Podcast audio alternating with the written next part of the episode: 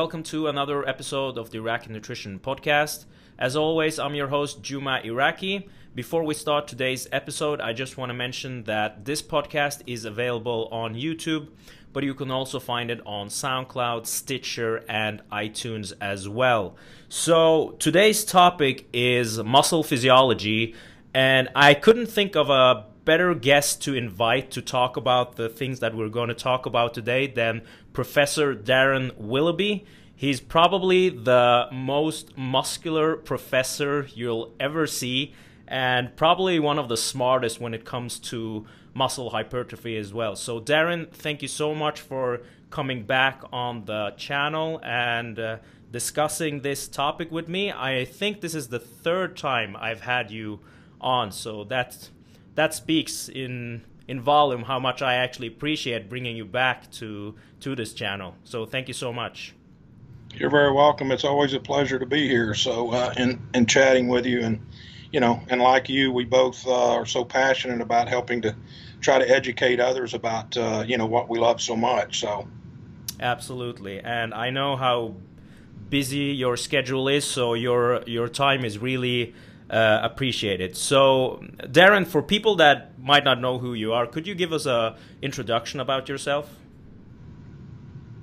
Uh, yeah, sure. Um, I'm a I'm a professor of uh, exercise physiology and um, nutritional biochemistry at Baylor University in Waco, Texas, here in the USA, and um, I also run a research laboratory, exercise and biochemical nu- nutrition laboratory, where you know we do uh, re- research uh, on a number of different topics that uh, involve either resistance exercise, resistance training, or perhaps some type of nutritional intervention, uh, specifically in skeletal muscle, looking at uh, um, aspects both at the molecular level, meaning gene expression level, and protein level, um, how it translates into protein, and perhaps then uh, impacts muscle growth and uh, and muscle performance as well. Um, my PhD uh, is from Texas A&M University. It's in uh, specializing in exercise and muscle physiology and subspecializing in uh, nutritional biochemistry and molecular biology.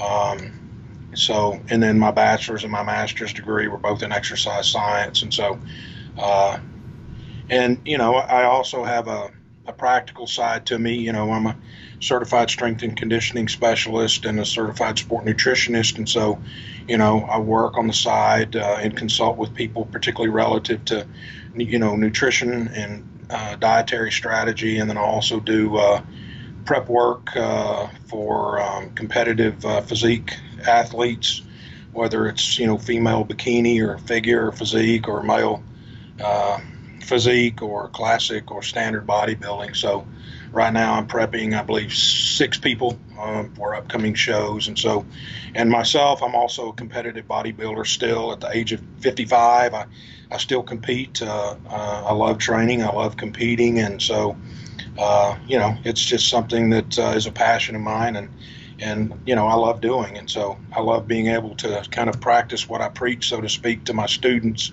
uh, you know, they know that I'm I'm in the gym every day, and what I'm telling them is not uh, you know not something that I'm just making up. It's you know it's something that I uh, you know that I live each day in my personal life as well, not just my professional life. So awesome. I think the last thing that you mentioned there is really important to to to to to, to, to to let people know because a lot of people when they look at research they just imagine people in white lab coats that have never lifted a dumbbell in their lives, and it, that's not really true. Like most of the people that I know in exercise science researchers are either currently um, competing in some sort of sport or they've been formally um, active themselves as uh, competitors. But um, before we jump into the question, what are your thoughts on the like if you look at professional bodybuilding now? compared to what it was maybe 20 years ago. What are your thoughts on the development that we've been seeing? Because now it seems like there's more avenues that you can select. Like in the past, it was only bodybuilding, but now you have like bikini and men's physique. And some people might say that it's been positive that we have several avenues that you can select from. But to me it seems like bodybuilding professional on the professional level is is slowly slowly dying in some way. You know that's that's a good point, and uh, and I, I, would tend to agree um, from the standpoint that well, we basically already know that you know in the IFBB, for instance, women's bodybuilding is is is is basically gone. So you know it's been for the most part replaced with professionally with women's physique, um, and so and I I'm also uh, a competitor and um, um, and and uh, and judge in the global bodybuilding organization. It's a it's a it's a newly founded organization. It's about three years old, and so it's it's growing and booming quite well. But uh, you know, but we're not trying to necessarily compete with anyone else. We're just we just are who we are. But the point I was going to uh, bring up is that you know when we go to shows now, we I mean we see just most of the competitors at the shows are and you know and for the for the other on the I would say it's also very similar with the NPC as well and some of the other organizations is that you know women's bikini, women's figure is just is just exploded. Um, men's uh, physique is just exploded. You know that's where most most of the competitors in a given show that's that those are the classes that they're competing in, and we're beginning to see less and less and less and less in standard bodybuilding. Um, um, and even classic bodybuilding is actually growing somewhat as well. Mm-hmm. And so, you know, I don't. It's it's interesting. It, it's you know, and I'm all for giving athletes you know other avenues in which to compete in. You know, not everybody wants to be a bodybuilder per se, but you know, if they have a competitive spirit in them, and you know, when they're going to the gym each day and they'd like to showcase, you know, they'd like to showcase their efforts, then then why not? You know, but you know, in terms of kind of what's caused the the decline, particularly in standard bodybuilding, you know, it's it's it's hard to say. I, I would say probably on the for women, just from the standpoint of probably at least in the United States, I guess maybe kind of a public outcry, if you will, or, or a lack of tolerance anymore for the you know the physiques that, that were being displayed in standard bodybuilding, and in some cases the amount of masculinization that was being seen in some of these female competitors, you know. And don't get me wrong, I, I mean, I respect, you know, you got a female standard bodybuilder. I mean, you know, I know what goes into that, and so I res- I respect what she does to the nth degree. But you know, and so, but that's me. Mm-hmm. So I would say that you know, at least the public is kind of had grown a bit, I guess, tired cons- concerned, whatever the whatever the term you might want to say with you know um, uh, competitors that uh, and I've I've heard people use this term competitors that look like men wearing bikinis on mm-hmm. stage, you know. Mm-hmm. And I think it comes from a standpoint of you know a number of things, but probably you know our women you know women shouldn't necessarily look like that, and uh, and as a result, you know we're we're not necessarily going to support that. So that's probably one of the reasons, or at least one of the several reasons that that women's bodybuilding is kind of taking a big hit.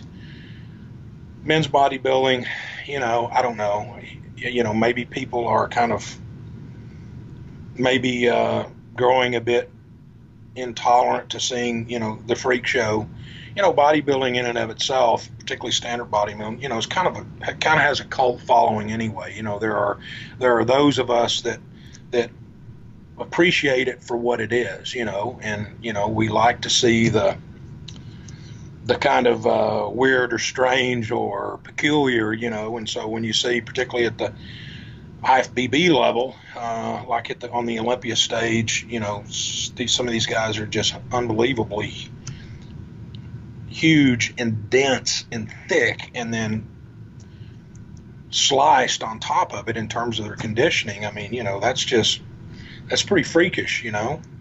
Mm-hmm. So, you know, I don't know. It's it's it's hard to say. There are probably a number of factors, but uh, you know, I think probably also a number of competitors have migrated away from that into more maybe more of a classic bodybuilding approach or maybe a physique approach because you know maybe they don't want that much muscle or they don't want to work for that much muscle or whatever the case may be or perhaps maybe they don't they don't feel like that they have to submit themselves to the use of pharmacopoeia mm-hmm. to be able to attain that level of muscle um, and so you know I think I think it's I think it's multifaceted but uh, you know and there are many reasons why but nevertheless it, it you know standard bodybuilding has and even even with the men it's definitely taken a hit hit also. So um, it'll be interesting to see where, where it all goes in, in the next five or six years. So.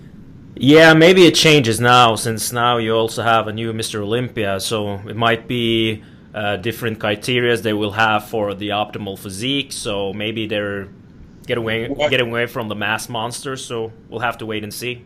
Well, you know, and that that's a that's a another that's a very good point because you know I think the you know you know, with Shawn Rhoden, I mean, obviously he brings a ton of mass, but he also brings it on a very aesthetic, visually, more visually um, appealing physique. His, his, symmetry is great. He's got the nice tiny waist. He's not dealing with the, you know, he's not dealing with the bubble belly and you know that most of the other competitors are. And you know, he's just, yeah, he's big, he's massive, he's thick, but he, as I said, he just has a very, he has a beautiful, aesthetically pleasing physique. So your point is a very good one.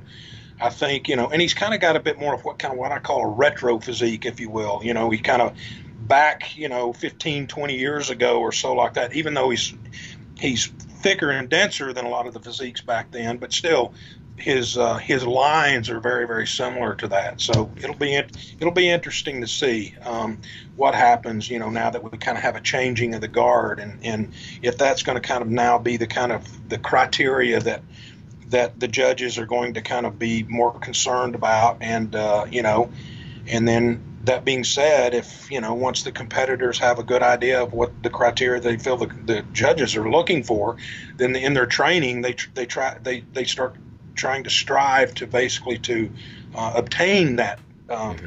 that that type of physique, you know.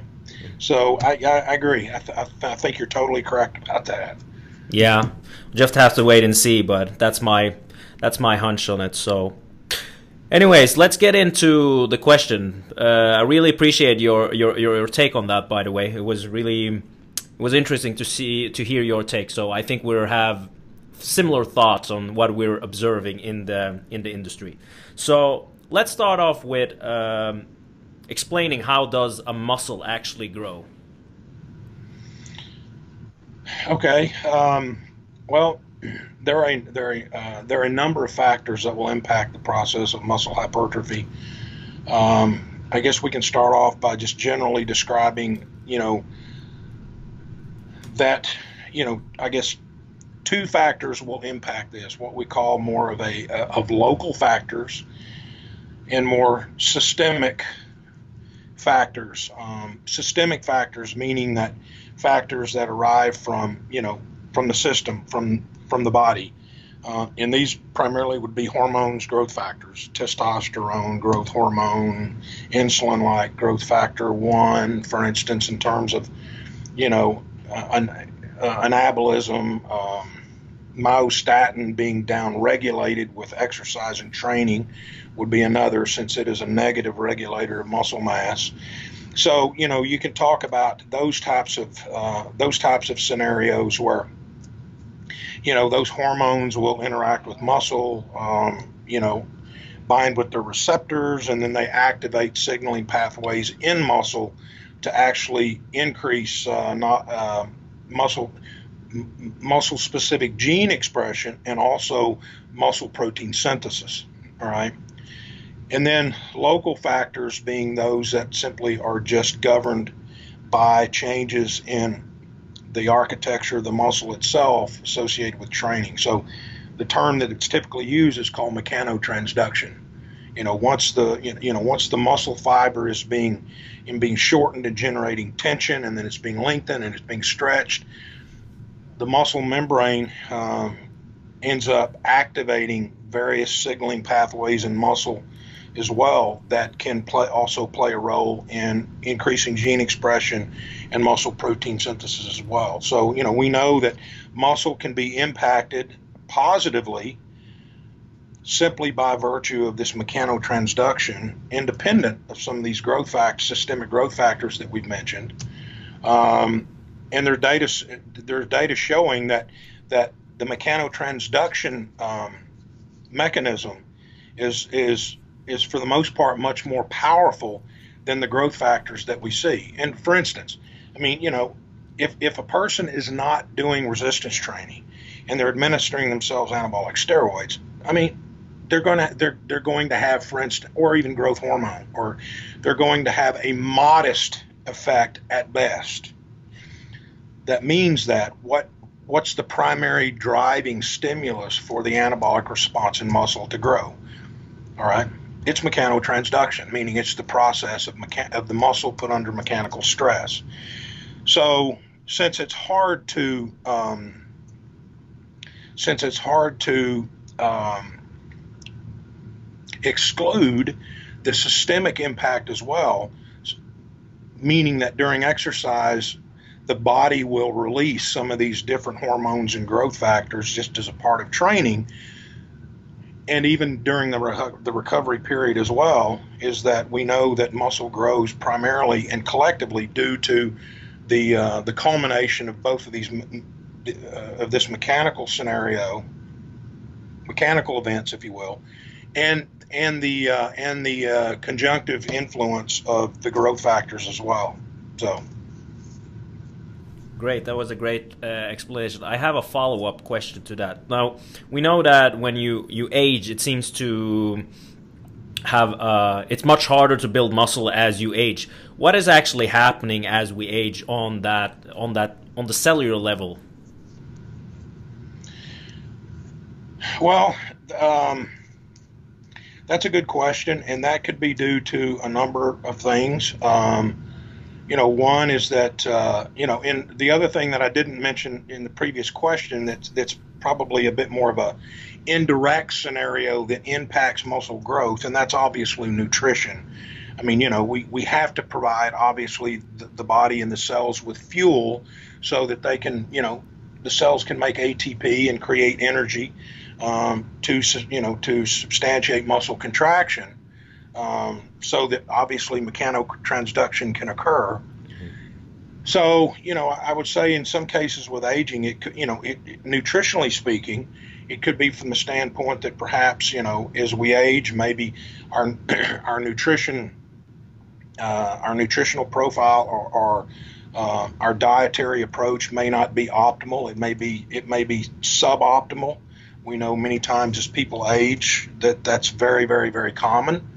Mm-hmm. Um, you know, a lot of times we see that people have a tendency to undereat um, as they age. And, um, you know, the other thing uh, potentially could be, but there's some data to, to um, nutrition wise to, to suggest that as we age, there's, uh, you know, there's a, a consequence known as leucine resistance, that meaning that as we, you know, it, it the muscle becomes more resistant to the to the impact of leucine in being able to stimulate muscle protein synthesis. Um, and so, if that being said, that would imply that that as people grow older, they need to ensure that they're taking in adequate amounts of protein over and above what they may have needed prior due to the leucine resistance. And if they're not doing that from the standpoint of either under, you know, under eating on a routine basis or not eating enough protein, this could obviously impact the muscle's ability to grow. Um, the other is is that we know that as we age, um, you know, we begin to we begin to reduce the number of satellite cells that we that we have in us uh, in our muscles throughout our body. I mean, you know, when we're young, we have, you know, we have a, a large number of those. But if we're very, if we're active throughout our lives, uh, uh, throughout our lifetime, and we continue to to utilize satellite cells and call them into activation, that at some point later in life, then um, you know it's not it's not presumptuous, and, and there there are actually data that indicate this that it, it, it appears that satellite cell number begins to uh, begins to reduce uh, or begins becomes reduced, and so that being said, then the muscle can lose its its ability to regenerate itself in the face of resistance exercise. So that that could also be a um, um, another issue as well. Um, but you know, the whole process of aging and muscle function and aging in general is so unbelievably multifaceted. So you know, that would only be just a couple of a, a couple of items that uh, that would be most likely. I mean, you know, we know that as we age, particularly um, more advanced age, we start to look, you know, we start to um, upregulate telomerase activity, which is an enzyme that begins to degrade telomeres on the chromosomes. And so when that happens, then we begin to lose, you know, genetic potential gen- or genetic power, um, being able to um, drive gene expression because DNA starts to become degraded. So, you know, that would be something that would be a, a a bit more of a. I mean, that happens, but in terms of your question, that would be something that would be a bit more of a stretch. The ones that we that we would that, that I feel would definitely be um, kind of on the front front line in terms of the answer to my question would be would be nutritional um, would would be nutritional aspects and also this uh, this uh, reduced ability to, to, to regenerate muscle due to to satellite cell act- activity as well. Um, and then the other is that, uh, you know, we know that uh, neurologically, as we age, neurons begin to start to degrading a bit. Um, there's some there's some uh, some uh, data showing that you know the there's a protein called agrin that's uh, associated with the neuromuscular junction, which is the juncture point between um, motor nerves and muscle fibers in that uh, as we age, this agrin starts to become degraded, and so uh, there's a marker that's used for other aspects as well with aging, but particularly in muscle, it's a marker that's used to to um, indicate degradation in neuromuscular junction, um, and that is uh, something's called the, the C terminal fragment of ag- agrin because agrin begins to be de- degraded from at the C, term- C terminal, and then that ends up finding itself in the bloodstream. So people are using that and being able to assess that, and we're seeing that as in as people age, the levels the levels of that biomarker are are higher in, in, in older people compared to their younger counterparts. So again, if if that's indicative of a reduction in, in neuromuscular transmission, then that means that that would that would impact the muscle contraction as well and the muscle's ability to to to perform at somewhat of an optimal level to be able to generate a proliferative you know hyper, hypertrophic response. So interesting. I love doing this podcast because I always learn something new when I have have great guests on. Um, you mentioned something about satellite cells. So, for listeners that might not know what that is and how that fits in in the whole process of skeletal muscle remodeling, could you please explain a bit about that? Yeah, satellite cells are, are basically just um, muscle stem cells. So you know, once we are conce- you know, once we're conceived and, and develop, and you know, in utero, and once we're born, we have these these these stem cells, if you will, that have been com- committed to the muscle lineage, but they have but they've never proliferated into adult, fully differentiated muscle fibers.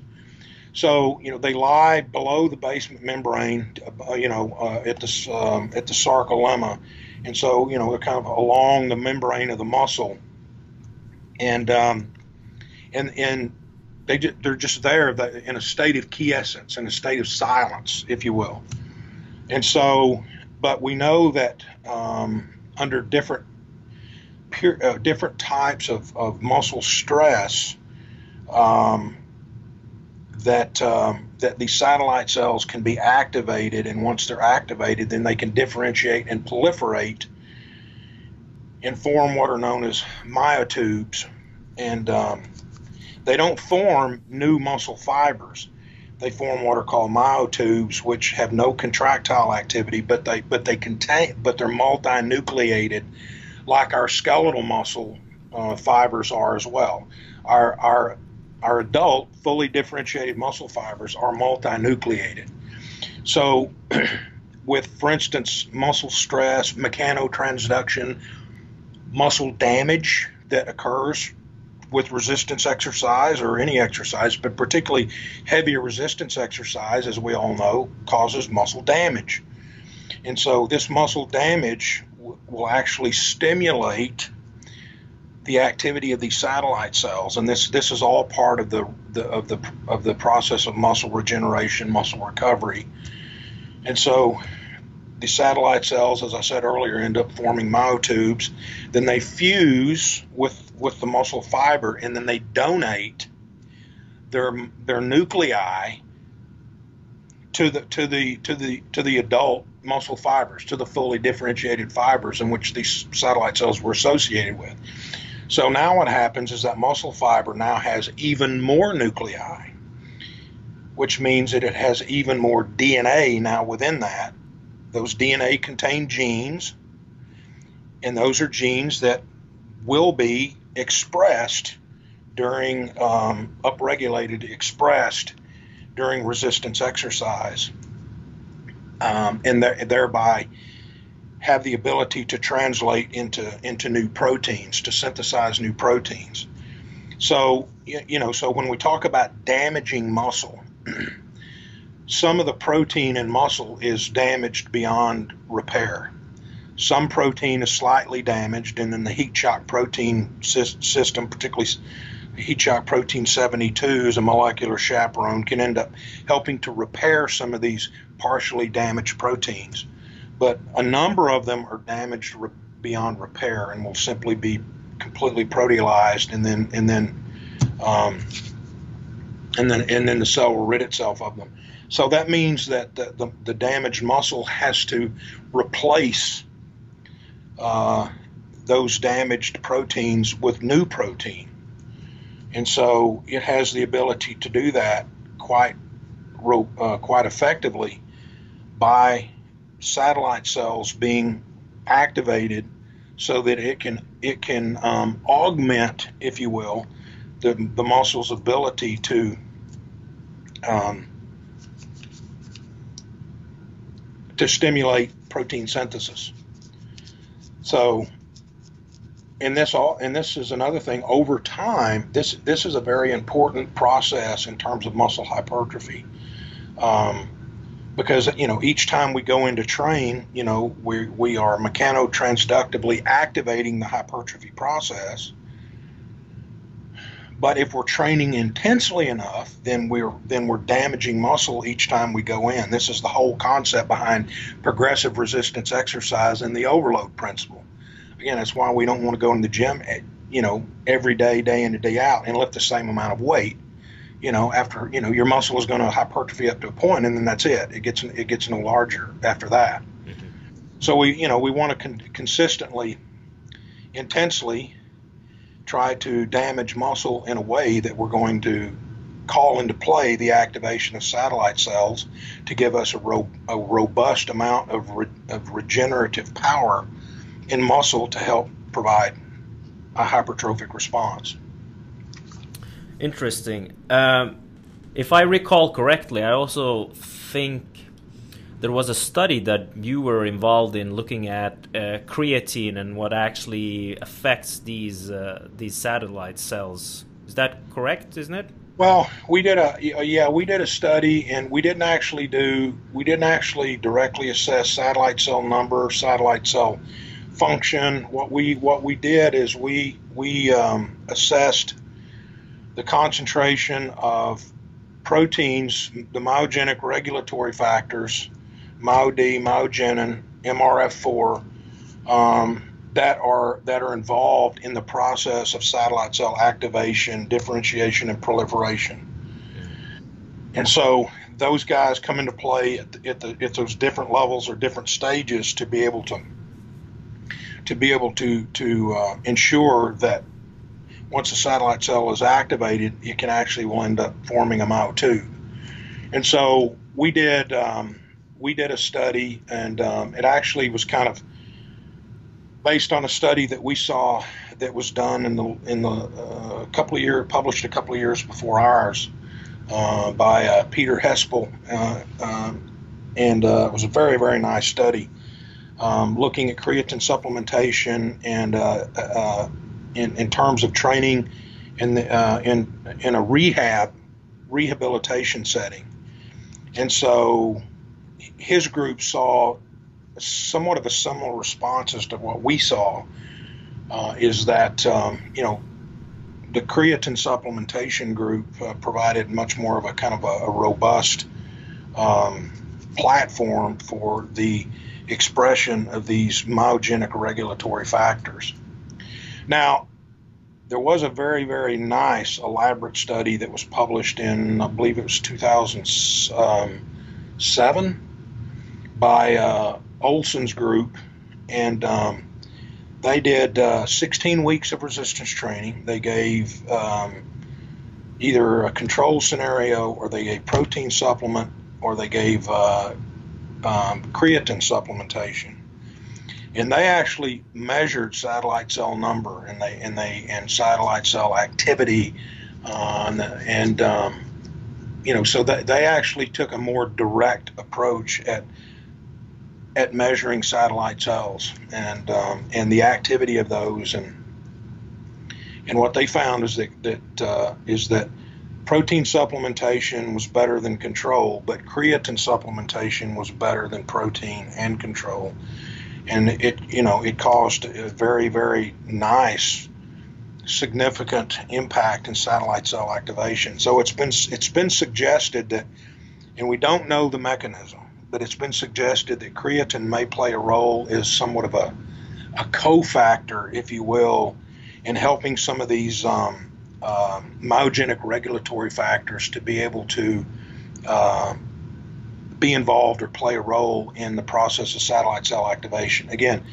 no one knows the mechanism, but there's there's enough data from several studies, mine being one of them, but particularly with the Olsen study, that I mean, that was that was definitely certainly much more of a direct approach, um, and um, in showing that, and they in the Olsen study they also showed that, that there was a uh, greater improvement in performance um, in that uh, in force uh, production in the in the creatine supplemented group as well. So you know they had a nice practical um, piece to that study as well. So, but again, back to that, you know, it's it's kind of hypothesized, if you will, that, that creatine seems to have some, uh, some type of a cofactor role in being able to work with those myogenic regulatory factors to activate satellite cells. So at this point, that's that's that's the best we know. But we know that there's there's some type of relationship between creatine supplementation and satellite cells. Interesting. Now let's move on to. Uh, you often hear the term androgen receptors. So, could we explain what androgen receptors are and what effect they have on potentially growing muscle or limiting the ability to grow muscle?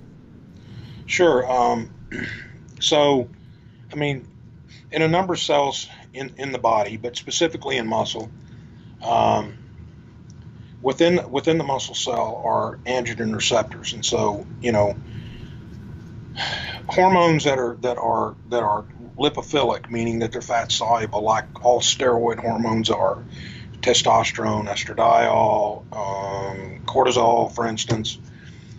These, uh, unlike peptide hormones or, or you know amine hormones like norepinephrine and uh, uh, but peptide hormones like insulin and growth hormone and IGF-1, they bind to a an extracellular what we call a transmembrane receptor. So they bind outside of the cell and dock, and then they transduce their effect inside the cell.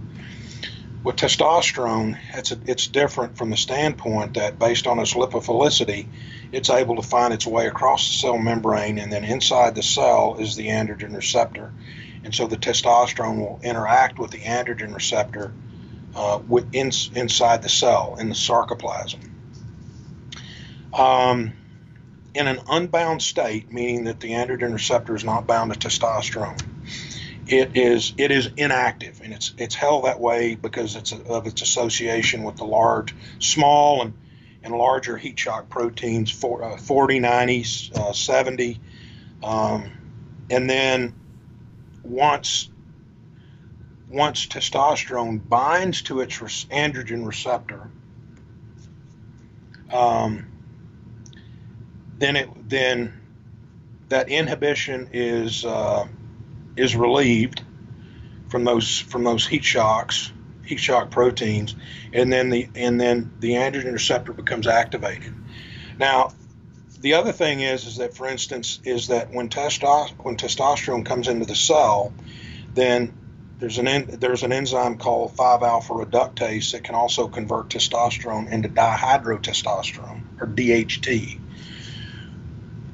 which has a greater binding affinity with its receptor than does testosterone. So some you know some will bind to testosterone. Some I mean some will some testosterone will be uh, converted to DHT. Some will not we did a study and published a study in the journal Steroids um, about three years ago, the androgen receptors, and, and we actually measured and assessed because it it been stated in the literature that that there was very little to any 5-alpha reductase activity in skeletal muscle. Well, we we showed that wasn't necessarily the case. It was a it was about a 50-50 uh, when we looked at muscle testosterone concentration and muscle DHT concentration.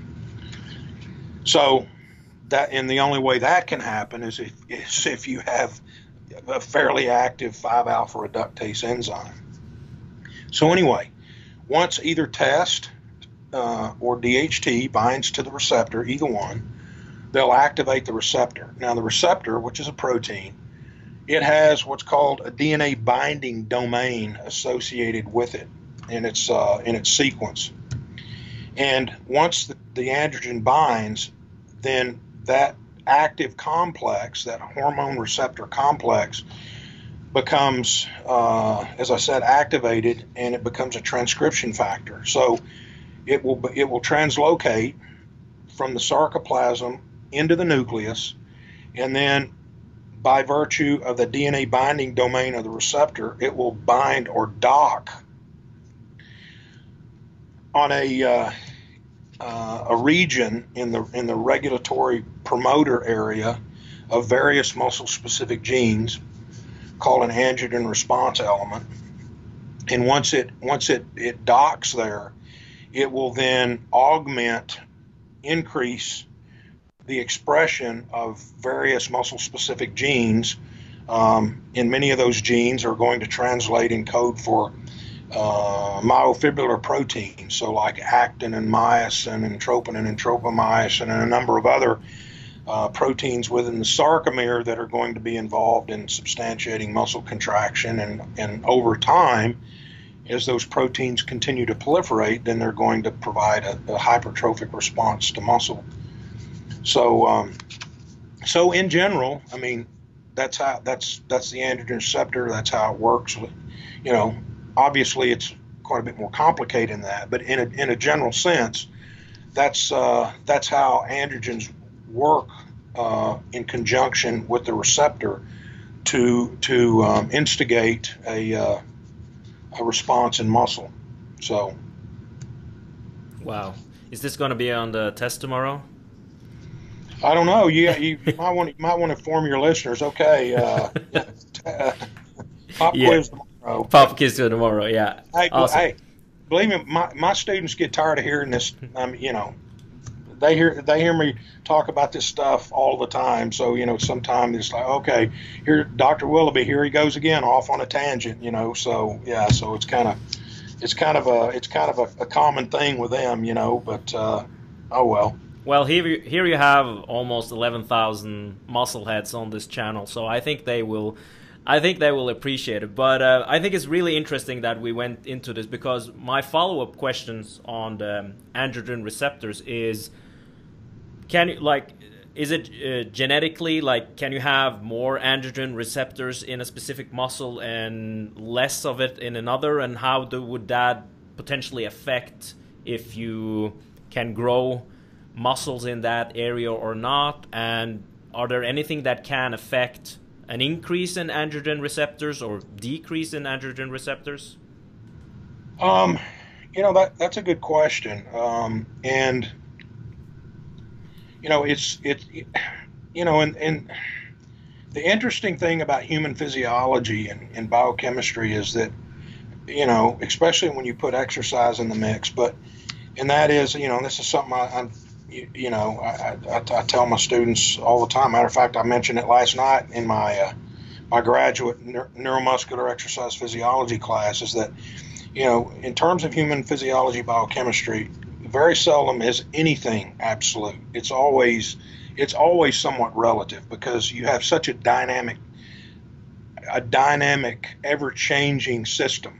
Um, so, uh, but to answer that question, I was going to say, you know, in terms of somebody having more androgen receptor content, you know, than another person, or perhaps more androgen receptors in one muscle compared to another muscle you know, that might factor in as to why somebody might be a, a hard gainer. You know, they train, you know, they train their legs as, as much as they, it, it, you know, the same intensity and volume as they train their upper body. Their upper body grows, but their legs don't, or vice versa. You know, we all know people like that. So you know, it's it's hard to say exactly why that might might be, but you know, but that's, I mean, that could be a possibility.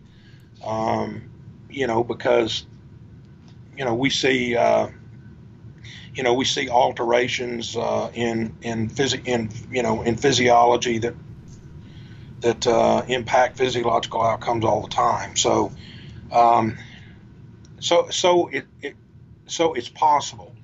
Um, you know, it could instead perhaps be that that it may not it may not uh, impact the androgen receptor it may be something where somebody has a bit mo- a, a, bit more of an overactive uh, expression of myostatin uh, or something like that, where they're actually getting a, a negative regulatory impact that way.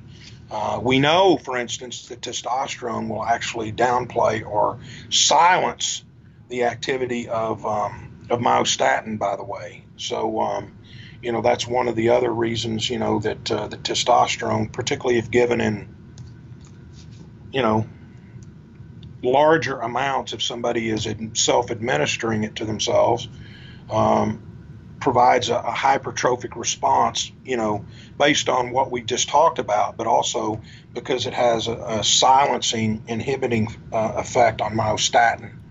Um, um, and it also it also and that happens because it it helps to upregulate MyoD. Um, and then if we upregulate MyoD, we also know that MyoD is involved in satellite cell activation process as well. So testosterone can be impacting muscle muscle hypertrophy through the you know number one upregulation and expression of muscle specific genes, just pure and simple based on based on that specific mechanism. Um, number two, in increasing the expression of uh, and, the and the concentration of MyoD, um, which itself is a transcription factor and can impact expression of muscle-specific genes. And the third is the fact that it can also silence myostatin as well. So, um, but you know, back to your question, you know, it's you know, I'm not I'm not specifically aware of any data, and it may be just because it, it may be that it's there, and I and I just have I haven't come across it. I haven't come across it about the differences in androgen receptor content, but it's uh, but it's very possible. Yeah, it's I wouldn't discount that. So. Yeah, it, that's uh, uh, especially interesting what you're mentioning about like supraphysiological doses is uh, decreasing activity of, of myostatin, and I, I want to get back to that. But uh, Does well, and there's there's something else that I was going to, if if if if I could. Yeah, I mean, you course. mentioned you asked you asked me this question and I overlooked it, Mm. and that you said is there is there anything that could impact the the um, concentration or the amount of androgen receptors? And so we know that. Um, I mean, yeah, I mean, exposure, prolonged exposure to to androgen androgens above and beyond the normal physiological range will cause downregulation in the androgen receptor. So we can decrease androgen receptor density content by downregulation, and that's again due to, I guess, sustained exposure to high amounts of androgen. So if somebody's is administering themselves a pretty moderate to moderately high or very high dose of, you know, the higher the higher the dose, the more the downregulation. Mhm. Because what happens is that over time is you, those receptors become completely saturated, and there's still androgen there. So the body will downregulate, and it's not just with testosterone. The body does that with other receptors as well. We see that happening with different drugs that we can, that we take. You know, that's why a lot of times, you know, physicians will will you know ask that people take you know far. Uh, various drugs for whatever condition and they you know they'll ask them to cycle them you know takes you know take this many for so long and then and then change your dose and so that they can try to, to keep somewhat of a, a robust receptor response so that they can continue to get a sustained effect with those medications so you know so it's a it's it's a dose response type of uh, scenario Mhm. particularly with testosterone and the androgen receptors so um, but we usually don't see that you know in somebody if they're if they're not if they're not administering and they're they're just relying on their body's normal level of testosterone production you're not really going to see that because the body the body based on negative feedback will maintain a, a, a very constant um, level of circulating testosterone Mhm. uh, and as a result you know so that we don't, you know, physiologically the body won't necessarily allow for saturation, androgen receptor saturation. So it's not something that we typically, under normal physiological circumstances, will find ourselves uh, dealing with. So, Interesting. Now you, um, I want to go back a bit and talk about uh, myostatin that you that you mentioned. Okay. Could we mention what what it actually is and what role it plays in the amount of muscle or the, or the lack of muscle mass you can actually build? yeah, myostatin is a um, is a protein that's uh, it's a that it's it's expressed um, and synthesized in muscle, um, and then released from the muscle. Uh, it can work in, a, in an endocrine, autocrine, and paracrine fashion, meaning that endocrine is that you know once in the blood it can circulate and impact skeletal muscle and other parts of the body. Let's say, for instance, myostatin is being released from you know from the pecs, uh, and then um, or it can you know it can be released and impact adjacent muscle fibers, you know fibers you know that that are next to it. Or it, it can be released from a particular muscle fiber and then impact the muscle fiber in which it was released from. That would be that would be called an autocrine, um, uh, an autocrine um, scenario. Adjacent would be paracrine. But anyway, so it's a protein that's synthesized. It's you know it's there's a gene, a myostatin gene in muscle. It's expressed, um, and then that mRNA will trans translate into myostatin protein, but in the cell, that protein is in a kind of a what we call kind of an, an inactive state. It's in a it's in an immature state, and then as it's released from muscle, it ends up assuming um, a mature state in circulation, and then um, and then it has the ability to bind with its receptor on mu- on muscle membrane called the activin 2B receptor. But th- we have other proteins in the blood that can actually inhibit myostatin from binding to that receptor. Uh, one, first and foremost, it's called follistatin. Um, and then there's another protein that's similar to it called follistatin-like related gene. And then there's another called GASP1. But follistatin is certainly the protein that um, that seems to have the most um, impending effect on its ability to block myostatin binding to its receptor. If myostatin does bind to its receptor, then it transduces a signaling pathway in muscle that does two primary things. One, it inhibits satellite cell activation. And two, it can upregulate a pathway in muscle that breaks down that breaks down muscle. Um, it's called a, uh, the ubiquitin proteolytic pathway. Um, and so what it does, it's you know myostatin is is regarded as a negative regulator of muscle mass. I mean, I've seen people theorize that that you know that in humans we have under normal physiological circumstances we have a, a, a physiological ceiling for muscle size, um, and, and that it's governed by myostatin. Not sure whether that's actually true or not, but I've seen reference to that. Of course, that again, I have to preface normal physiological scenarios because again, with with heavy doses of androgens, for instance, we know that we we reduce myostatin activity. So that's not, we wouldn't consider heavy doses of androgens exogenously provided to be under normal physiological circumstances, mm-hmm. you know.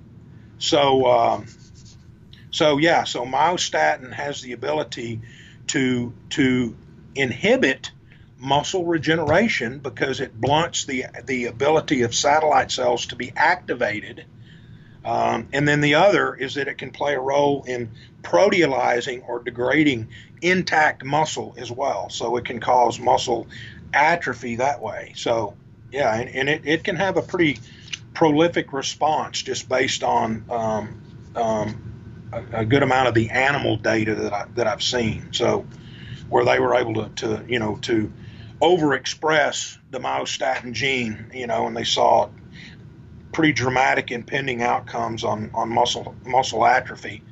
Um, but then, then again, I think everybody's probably seen the pictures of where we are able to transgenically, you know, knock out the myostatin gene in, in, in you know in animal models, and then these guys are just huge. You know, the the the mice that they've been able to do the McPherron's group, uh, you know, back back when and then there's studies where they're they were actually able to instead of that they were actually able to create transgenic models that overexpressed um, follistatin so they were actually able to um, or, or, I mean I'm sorry where they were actually able to transgenically provide an, uh, uh, mice that didn't express the gene that would in, that would uh, um, allow for the production of the activin 2B receptor so there's no receptor there for the, the myostatin to bind to from the bloodstream.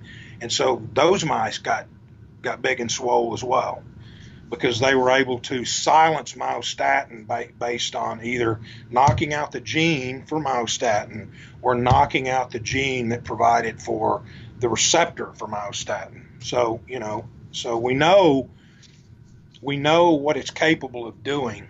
You know, in humans, I mean, there's really no way that we can that we can control it or block for it. I mean, you know, they're working on they've been working for a while on on uh, you know on drug trials, particularly for Duchenne's muscular dystrophy, for you know for a myostatin in, inhibiting drug, if you will. Um, but at least in us, under anything that's FDA regulated or anything like that, then you know, I've heard talk of um, outside of this country, I've, I've heard of talk of, of drugs that have been developed over there that are that are myostatin inhibitors, mm-hmm. um, and and that and other things is why you know some of the some of the, the top IFBB pros have just, you know, in like a year's time or a year and a half, you know, they've just gotten even freakier than they were before. So mm-hmm. whether that has anything to do with that, um, not sure. But, you know, um, the problem with somebody tinkering with, with myostatin inhibiting drugs, though, is that myostatin is also expressed in um, in cardiac muscle. Mm-hmm. So you know if you if you if you inhibit the activity of myostatin, then that means that cardiac muscle can also can can hypertrophy as well, and and that can that could result in you know cardiomyopathy or extremely enlarged heart.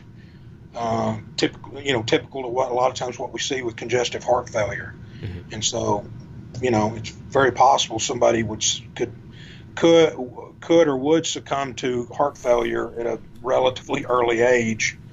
Um, so, you know, again, so I don't know if that fully answered your question about myostatin, but uh, you know, if, if not, I'm more than happy to try to. No, no, no, absolutely. I think it was exactly what we were looking for. Or and for the listeners, uh, if you've ever seen a Belgian blue cow that's yeah. really swole, it's not androgens that they're putting in their in their foods or injecting them with it. It's actually they have. Uh, but in in that case, it's not tinkering, right? It's not nobody's no. tinkering with their no, no. That that that that breed of cattle is known for having de, uh, defunct myostatin genes, so that's just how they, you know, some of them are born with with uh, with a mutated myostatin gene, and so they get what they call double muscled. Um, there's also a, a, a, breed of dog that ha- that happens to quite a bit. It's called it's called the whippet, mm-hmm. um, and so it look it looks kind of like a greyhound, mm-hmm. um, and and and they fairly often get that way as well. So uh, yeah, but the Belgian blue, I mean, that's uh, and you're and you're right. It's there's no tinkering. Mm-hmm. That's just because you know they have, and you know what? There's been a couple of uh, scenarios um, where uh, and there was a number of years ago they they they found a, a, a boy that was born that way mm-hmm. in Germany. Yep. He had a he had a mutated myostatin gene, and so I mean he was just you know growing like like crazy, and and putting on muscle like like crazy as well. So you know. Um, he had calves at nine months, I think. I mean, you saw the same pictures. Yeah, yeah. he was. Yes, he was. he was jacked at by a year by a year old. So yeah. you know, but I haven't seen any. You know, I don't know. I haven't seen any any pictures of him because now he would probably be about what, maybe 10, 12 years old, something like that. Mm-hmm. Um, so I don't know. It'd be interesting to see, but you know, it, it's I don't I don't know. It's probably I'm sure the parents are trying to uh, probably keeping him out of the limelight. I don't know, but uh, but you know there there have been instances in humans where that's happened as well. So you know. Mm-hmm but again, what scares what scares me either about that or somebody else who is giving themselves my you know if they're if if if if they do if they are in fact able to get to you know to get access to an actual myostatin inhibiting drug my fear is you know is that the impending uh, effects that it could have on on their heart and their cardiovascular function. That's that's that's pretty scary stuff you know? Um, yeah, absolutely, and I think that's like if if you if we were to find a drug that actually couldn't inhibit myostatin, it would be wonderful for the things that you mentioned with uh, with uh, muscle atrophy in elderly, for example, and we could use that for, for for treatment. But you also run into the risk of people actually abusing the drug and not really thinking about the long term consequences based on what you're mentioning with uh, an effect it has on the cardiovascular system.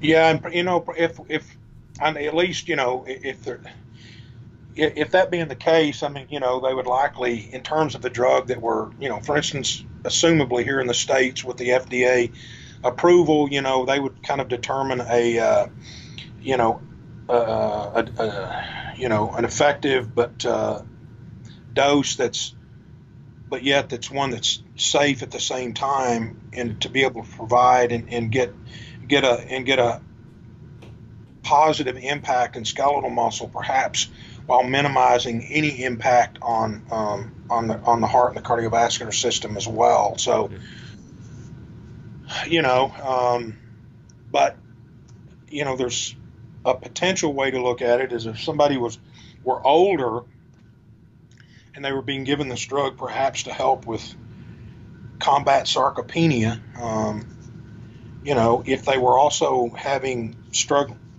with um, perhaps weakened uh, cardio, you know, cardiovascular function, um, you know, this could this could potential may maybe you know um, help strengthen the heart a bit, at least with its contractile efforts. Um, so you know, but again, that's just that's that's very that's being very presumptuous, but you know, it's uh, it's certainly not it's certainly not out of the question. But nevertheless, you know, I, I you know I think that we're going to end up finding out more and more and more here in the next few years about myostatin and um, in terms of its uh, its use in humans, um, because you know I, I'm sure that at some point it'll become it will become available, and people that it wasn't necessarily designed for in terms of its creation, like bodybuilders will start will start uh, experimenting experimenting with it, and you know I suspect that they already have,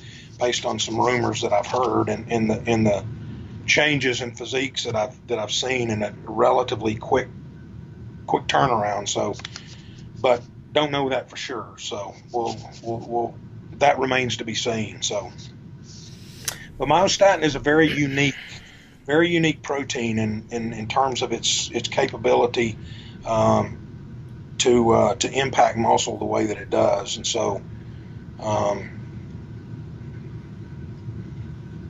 you know, it's it's uh, and not only that, how it's regulated as well. Um, so, and because of that, we know that there are various ways that we that we can that we can experimentally uh, perhaps impact impact its effect. Um, I, have seen, I've heard of it. I've heard of people um, here in the states that are you know that are getting access to some of these companies where they can get where they can buy follistatin and uh, and are actually you know injecting follistatin um, with the hopes of being able to um, inhibit myostatin.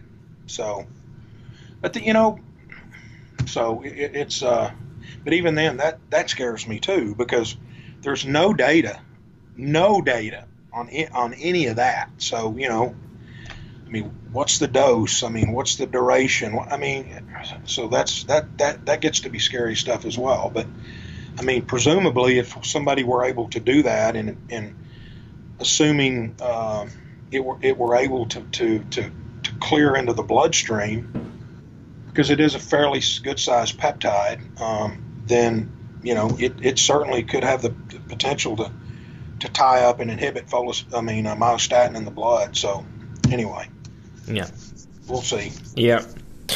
All right, Darryn. Thank you so much. I think we're uh, we're uh, out of time, but we have one final thing, and that is give the listeners um, a take-home message on the the talk that we had today? Um, you know, I would say a take-home message is, um, you know, is that a lot of times people people think that muscle that muscle damage is a bad thing. You know, um, and that being said, is that you know there are even you know a number of nutritional supplements that are marketed. You know, and some of them have data to support them that are marketed uh, to be able to minimize muscle damage, minimize muscle damage, minimize, you know, you see it fairly routinely because, you know, and it's based on the premise that, you know, muscle damage is associated with, you know, muscle protein breakdown. And so if you're, if that happens, then you may actually be instigating, you know, uh, a reduction in the muscle's ability to, you know, to, um, uh, undergo an anabolic response because muscle is being degraded and broken down, and instead of build, uh, synthesized and and but the problem with that is that's not I mean that's that's not necessarily the case because we know that muscle damage is is is necessary for muscle regeneration and for muscle hypertrophy over time with with successive bouts of training. It's got to happen. So by providing some type of adjunctive therapy like a, a supplement that you know that would that would may you know mute muscle damage is actually probably not a wise idea because you don't want to minimize muscle damage. You want to you want to uh, you know you want to allow for muscle damage so that you can get a much more robust regenerative response through satellite cell activation. Because if you if you if you minimize the damage, then you're going to therefore also minimize the amount of satellite cell activity that's called into play to help regen- to regenerate that the the muscle that was damaged. So my take home message is is don't be concerned about muscle damage in terms of, of minimizing it and finding ways to minimize it. Instead, embrace it. Yeah, even all the soreness that might come with it, embrace it because that is going to provide a very, very, very good catalyst for you to help to uh, uh, ensure that you're going to provide a very effective adaptive response um, for muscle hypertrophy. Excellent. This was a this was a great talk, uh, Darryn. I really appreciate you took the the time to come back on the podcast. Uh, for the listeners out there that want to know more about you or find more information about you, where can they find that? Um, probably the best is uh, just on you know on the Baylor website, uh, Baylor B A Y L O R Baylor.edu, um, and then uh, you know if have access to PubMed, I mean you know go in and type in Willoughby D, uh, DS and you'll get you'll get a list of uh, you know of my publications and um, number of things that we've done research wise in the lab and, and a good amount of we talked about today. We've got published papers on. Um, and so yeah, that would probably be in the and those two, and also through the uh, through the the website for the ISSN International Society of Sport Nutrition. So, uh, which is the SportNutritionSociety.org. So, yeah, so those three avenues would probably give you as much as much uh, um, information as you might need. I'm on uh, I'm on um, I'm on uh, Facebook. You can just type in my name, Darryn D A R R Y N Willoughby, um, and I should come up. And so you know, don't hesitate. Send me a friend request, and you know, there through there I often you know post. I don't post a whole lot of personal stuff on on there uh, that site because it's more business related. So we post stuff about you know stuff we have going on in the lab and research studies that we have that are newly published and and and so on and so forth. And so yeah, so that would that, that would that would be the best way. Awesome. All right, Darryn, thank you so much again for uh, taking the time to be here today. I had a really great time as always, and I need to maybe try and get you more frequently on this uh, podcast so we can get so we can go deeper into the into the rabbit hole talking about muscle physiology. Uh, it sounds great to me. I'd be I'd be happy to anytime. Just just give me a shout out and, and, and say let's do it. So yeah, uh, you know I, I, I enjoy it as well. So uh, yeah, it's been it's it's an honor and it's uh, and and a privilege and, and and I appreciate it very much. Thank you so much, Darryn. Really, really nice to hear. All right, I'm off to bed. Thanks again for your uh, time, and hopefully we'll speak soon again. All right, take care, my friend. You too. Bye bye. See ya.